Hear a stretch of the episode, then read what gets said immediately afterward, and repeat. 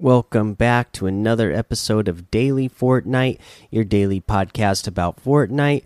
I'm your host, Mikey, aka Mike Daddy, aka Magnificent Mikey.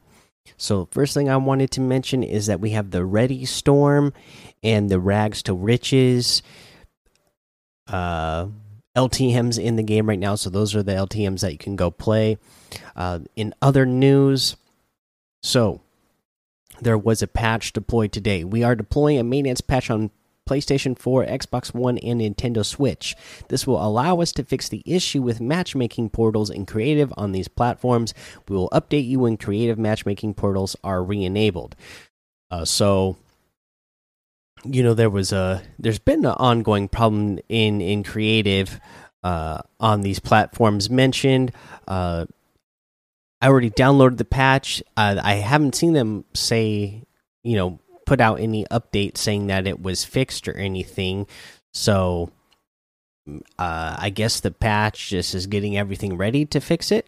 Uh, but uh, at least that will be fixed soon. Also, they say the PlayStation 5 and Xbox Series X and S will be unable to compete in tournaments temporarily as we work on addressing some issues we found in testing. We'll let you know when these consoles will be able to access tournaments. Arena playlist will still be available.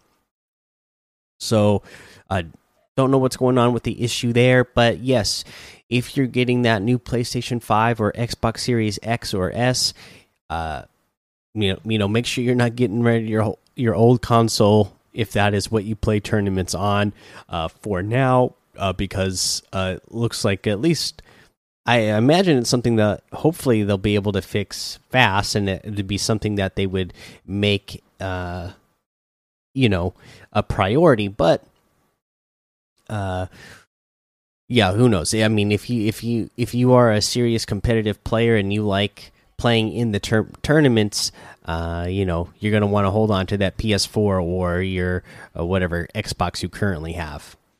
Uh, let's see here in if there's any other news. Oh yes, so they put out a teaser today for the next Marvel Knockout series. So excited for that in the way of, uh, hey, we get uh, more tournaments to play in. Uh, what I'm not super excited about about it is the the teaser uh, you know, and I saw people talking about it throughout the day, and uh, people saying, "Oh, it looks like it's going to be Black Widow." So right now we have a silhouette, so there's no official confirmation. But when you look at this silhouette, it is definitely Black Widow, and we got Black Widow in the item shop uh, last year in the past already. So it's kind of a bummer that it's looking like that's what we're going to get here, Black Widow you could see the the gun on the thighs and the same similar uh, haircut.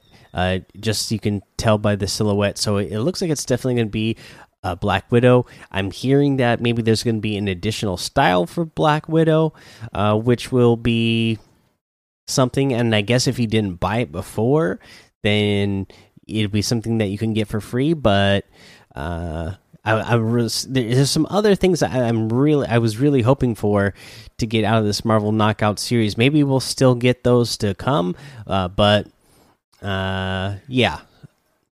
That, but you know what? I gotta say I am a big fan of Black Widow, so that that's not the disappointing part. It's just that uh, we already have this skin uh, that we could get from the item shop before. Uh, let's see here. Oh, you know what? Uh, challenge tips. Let's see. Hmm. Oh, so the the upgrading weapons.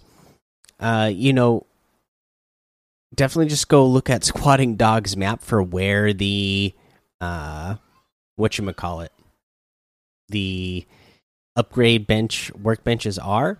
Uh, that way, you know uh, where you'll be in close proximity to uh, workbenches to to search for loot. Now, the the place that I like to go to do that, uh, that uh, my son and I went was the workbench that is, um, what is that place called? The this the the the Alps, the ski, this it's like a ski lodge. I can't remember the exact name of that location the, off the top of my head, but it's a ski lodge, and there's a workbench inside there, and there's actually quite a bit of loot there. So you should have a pretty good chance of uh, finding multiple weapons that you can use to upgrade to whatever rarity it is that you need to upgrade, depending on what step you're in at that challenge. So maybe try checking out that place. Uh, let's see here, guys. Let's go ahead and take a break. All right, now let's go over today's item shop. We got uh, some really good stuff in here. Of course, the Ghost Rider bundle is still there, so don't you know don't miss out on that. If you if you uh, get the chance, or if you have enough V bucks, don't miss out on that. Uh, for the rest of the item shop, we have the Ruckus outfit with the Spike Chamber backbling for 1,200. Now, they added a new style for these Wasteland Warrior outfits. So you have the default, which was before, you know, they basically just look like your uh, regular Borderlands characters, but now they added a Rage uh, style, which turns the outfit black, and then it has accents and highlights that are kind of they're animated colors. They kind of go through all the colors of the rainbow, I guess, and whatnot. Uh, you know, on the uh, accents of your uh, of your character's outfit. So pretty cool. Uh, I'm a big fan. 1,200. Also, the Mayhem outfit with the puncture pack back bling. Same deal with this one. This one's 1,200, but it also comes with the new uh, Manic uh, style is what they call it for this one but it's the same same concept where it becomes all black with that uh, animated rainbow uh, colors uh, on the accents of the outfit and it looks pretty awesome. So 1200 for that one. The junk jet glider for 1200 and the splinter strike harvesting tool for 800 the triggerfish outfit with the coral commandos backbling for 1200 the bubble flage wrap for 500 you got uh, the arc outfit and the arc wings backbling for 2000 the divine wrap for 500 the virtue harvesting tool for 800 the evil eye harvesting tool for 1200 the malcore outfit with the malcore wings backbling for 1500 uh, let's see here. We got uh, the barracuda outfit with the dive hazard backbling for 1200 pretty cool. The Wave Ripper outfit with the Tidal Hazard back bling for 1200. This is another one I really like a lot. I like the way this guy looks. Uh, you got the Tri Hook harvesting tool for 500 and the Sawtooth Slashers for 500. Uh, you got the Leviathan outfit with the fish tank backbling for 2000. I'm a big fan of that one. The Magma Wrap for 700.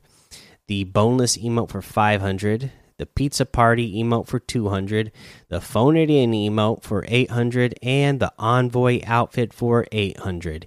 You can get any and all of these items using code MikeDaddy, M M M I K E D A D D Y, in the item shop, and some of the proceeds will go to help support the show. Now, for our tip of the day, you know what? Uh, creative is a great place to practice, right? And it's a great uh, place that practice to practice that people love doing 1v1s. Uh, and of course, you need somebody to partner up with to be able to do that.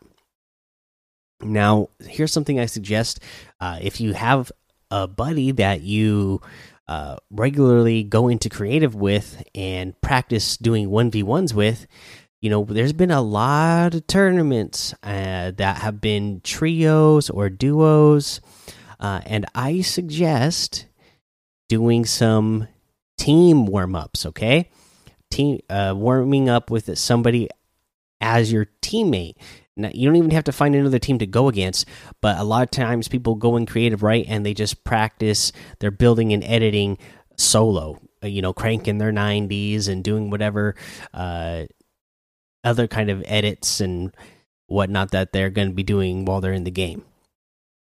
I suggest going in there and doing creative with your duo or your trio and practicing your building and editing together as a team, you know, just because it's a lot different, you know, between building and editing for just yourself and building and editing for uh, a teammate or possibly two or three teammates if you're doing trios or squads, right? So get in there and practice that stuff as well. You know, practice your tarping, your tunneling, uh, all that stuff that you need to really have down as a team. Uh, you practice that together. Uh, don't just go into creative and do the same things all the time. Don't do just 1v1s or just go in there and solo build.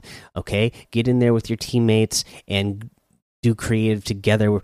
Uh, the the actual team aspect of it as well, so that you can really, uh, you know, hone those skills. All right, guys, that's the episode for today. Go join the daily Fortnite Discord and hang out with us. Follow me over on Twitch, Twitter, and YouTube. It's Mike Daddy on all of those. Head over to Apple Podcasts, leave a five star rating and a written review for a shout out on the show. Make sure you subscribe so you don't miss an episode. And until next time, have fun, be safe, and don't get lost in the storm.